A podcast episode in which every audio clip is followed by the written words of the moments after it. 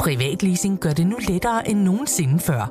Når det kommer til elbiler, er Polestar 2 en sand stjerne på himlen. Med privatleasing af Polestar 2 får du ikke kun glæden af at køre en topmoderne elbil, men også fordelene ved lave driftsomkostninger lige fra dag 1. Du slipper for bekymringer om vedligeholdelse og service, for alt er inkluderet i den faste månedlige pris. Oplev friheden ved privatleasing af en Polestar 2. Besøg polestar.com. Velkommen til Morgenposten. Berlingskes nyhedsoverblik.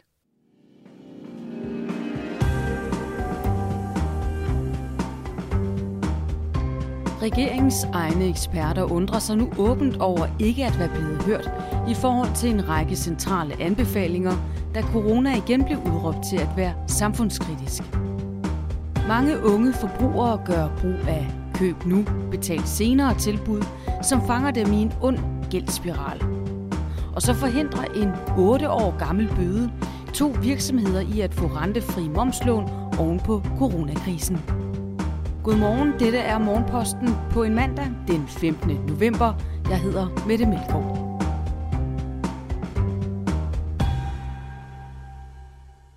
Politikken ser i mandagens avis tilbage på de vigtigste aftaler, der kom ud af klimatopmødet COP26 i Glasgow, som fik en noget forsinket afslutning lørdag aften.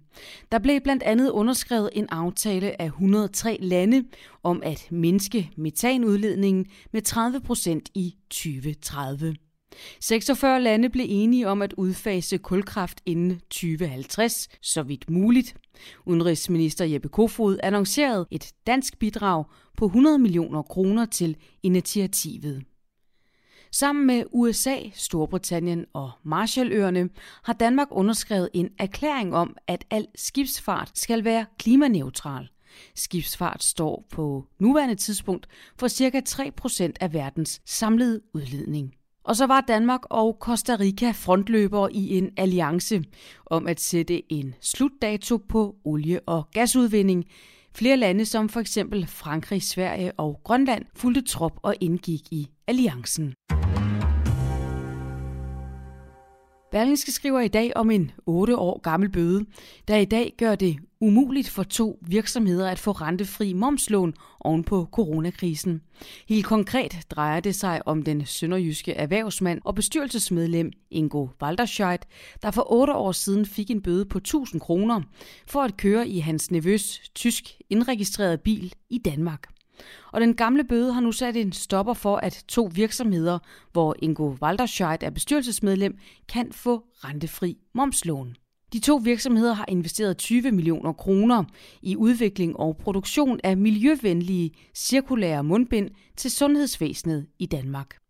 Og sagen er en konsekvens af en bestemmelse i loven om rentefrie lån til virksomheder, som kan udløse afslag på lån, hvis personer i ejerkredsen, i virksomhedens bestyrelse eller i dens direktion inden for de sidste 10 år er, citat, dømt for skatte- eller afgiftssvig efter skatte- eller afgiftslovgivningen eller straffelovens paragraf 289, citat slut. Og det er en sag, som erhvervsorganisationen Dansk Industri i Berlingske mandag kalder helt uproportional og efterlyser politisk fokus på, da der er flere eksempler i samme boldgade.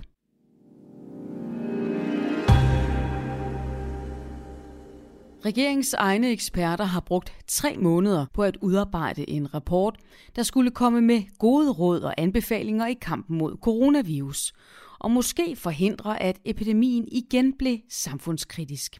Men eksperterne undrer sig nu åbent over ikke at være blevet hørt i forhold til en række centrale anbefalinger. Citat, man mister tilliden, citat slut. Og ja, det er oplægget til dagens lydartikel fra Berlingske, som er skrevet af Emil Bo Rask og Søren Domino. Så her til sidst for mig nogle ord om den langsigtede strategi for corona over vinteren. Sundhedsminister Magnus Heunicke stod i den bedste sendetid og viftede med rapporten, hvor man kunne se rækken af post-it-noter i forskellige kulører stikke ud. På det første corona-pressemøde i statsministeriet siden 23. august havde sundhedsministeren fået ordet efter at statsminister Mette Frederiksen mandag aften for en uge siden netop havde udråbt covid-19 til igen at være en samfundskritisk sygdom. Danmark har i midlertid gode forudsætninger for at håndtere epidemien, måtte man forstå på Magnus Heunicke. Regeringen og myndighederne er nemlig blevet givet stærke redskaber i rapporten fra fem af landets fremmeste eksperter, som blev nedsat af regeringen og Folketinget i maj, for i september at komme med anbefalinger til en langsigtet strategi for håndteringen af coronaepidemien. Men nu fortæller eksperter bag rapporten åbent, at en række af de centrale anbefalinger til synladende er blevet overhørt af regeringen og myndighederne, selvom den lå færdig for mere end to måneder siden. Det var ellers netop den rapport, Hverdag med øget beredskab, som Højneke havde medbragt på mandagens pressemøde. Jeg har taget min egen rapport med, altså ekspertrapporten, som netop beskriver hverdag med øget beredskab. Altså hvad er hverdagen under en pandemi? Og det er den, vi går frem efter i Sundhedsministeriet, lød det fra sundhedsministeren. I rapporten står en lang række anbefalinger, der ifølge eksperterne måske kunne have forhindret, at man er endt i en situation, hvor størstedelen af Folketingets partier pludselig så sig nødsaget til at handle resolut på coronatruslen i samfundet og følge regeringens indstilling om igen at klassificere covid-19 som en såkaldt samfundskritisk sygdom mindst en måned frem.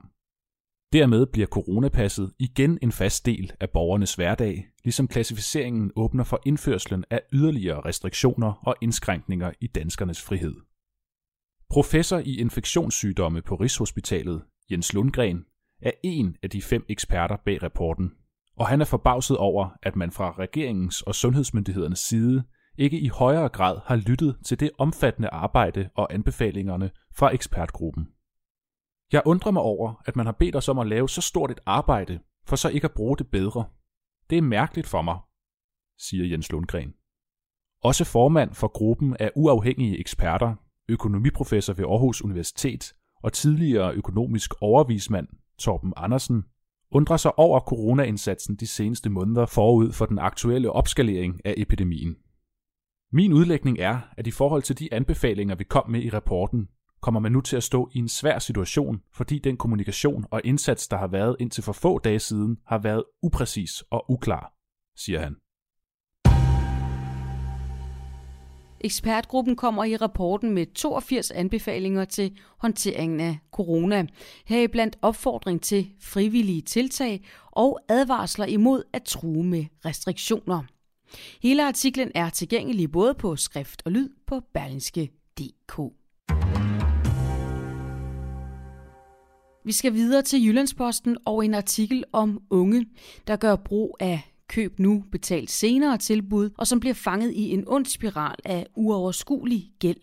16 procent af unge forbrugere mellem 18 og 30 år har inden for det seneste år købt en vare og udskudt betalingen. Blandt unge, der havde betalingsproblemer, har 38 procent benyttet sig af denne betalingsform. Det viser en undersøgelse foretaget af Epinion for Forbrugerrådet Tænk og Trykfonden. Tallene viser, at det kan være problematisk at udskyde betalinger, ifølge formand for Forbrugerrådet Tænk, Anja Philip. Hun understreger, at det også er bekymrende, da denne betalingsform appellerer til forbrugere, der i forvejen er i betalingsproblemer og er impulskøbere.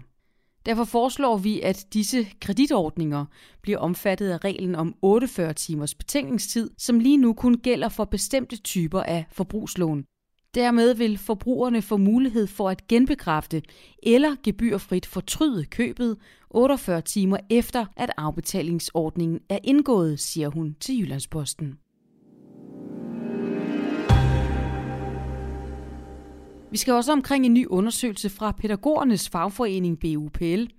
Den viser, at over halvdelen af de adspurgte pædagoger og pædagogfaglige ledere har undladt at ytre sig kritisk i offentligheden det seneste år, selvom de har haft lyst. De svarer hovedsageligt, at det er, fordi de frygter negative reaktioner fra kommunen eller ledelsen. Det er svært at få pædagoger til at stå frem med deres oplevelser, selvom der er mange, der oplever en svær hverdag. Derfor overrasker tallene heller ikke, siger formanden for BUPL, Elisa Rempler. Også juraprofessor fra Syddansk Universitet, Frederik Våge, reagerer på problematikken, som ikke er ukendt for ham. Man kan roligt sige, at det er et tilbagevendende problem. Jeg betragter det som et af de største menneskerettighedsproblemer, vi har i forvaltningen, siger han. Lederne af verdens to største magter skal endelig mødes. USA's præsident Joe Biden og Kinas præsident Xi Jinping holder således deres første møde efter Biden tiltrådte i det hvide hus i januar, og det sker natten til tirsdag dansk tid på et virtuelt topmøde. Og hele verden stiller spørgsmålet, vil det betyde et tøbrud i det iskolde forhold mellem Kina og USA, hvor spændingerne omkring Taiwanstrædet og Kinas militære oprustning vokser? Det korte svar er nej, skriver Berlingskes Asien-korrespondent Lene Winter i en analyse. Hvis man ser på de offentlige udtalelser fra begge lande, synes forventningerne til mødets resultater at være så små, at de knap nok kan skimtes. Lene Winters analyse forud for topmødet er lige til at finde på Berlingskes hjemmeside. Før vi når frem til nattens topmøde mellem Kina og USA, ja, så sker der også andre ting i løbet af dagen og aftenen. Allerede kl. 8.30 bliver der afholdt et pressemøde om kommunal- og regionalvalget og de tiltag, der skal sikre, at afviklingen af valget kan forløbe sundhedsmæssigt forsvarligt i forhold til covid-19. Med til pressemødet er indrigs- og boligminister Kåre Dybvad Bæk, direktør for Sundhedsstyrelsen Søren Brostrøm og næstformand i kommunernes landsforening Martin Dam. Og blot en halv time senere klokken 9 fortsætter retten i Randers sin sag mod en far og hans søn, som er anklaget for at have dræbt hustruen og moderen i familien. Ifølge anklageskriftet var det sønnen, der stak kvinden, fordi hun ikke var rettroende muslim, og fordi hun havde afvist at overgive et skøde på en ejendom til sin mand. Ifølge anklageskriftet var drabet planlagt. I aften spiller det danske herrelandshold i fodbold årets sidste landskamp ude mod Skotland, og det er i VM-kvalifikationen. Danmark er som bekendt allerede kvalificeret til slutrunden, men har naturligvis, får jeg lyst til at sige, ambitioner om at slutte et succesfuldt landsholdsår af med en sejr. Kampen begynder 2045.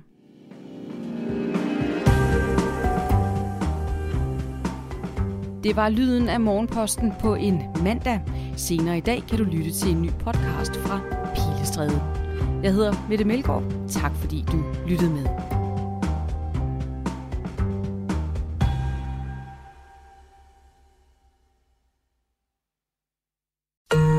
Podcasten er sponsoreret af EGN. Bliv en del af en professionel netværksgruppe med folk, der forstår dig. De kan hjælpe og inspirere dig gennem dit arbejdsliv, så du hurtigere finder de gode løsninger. Find dit nye netværk på egn.dk.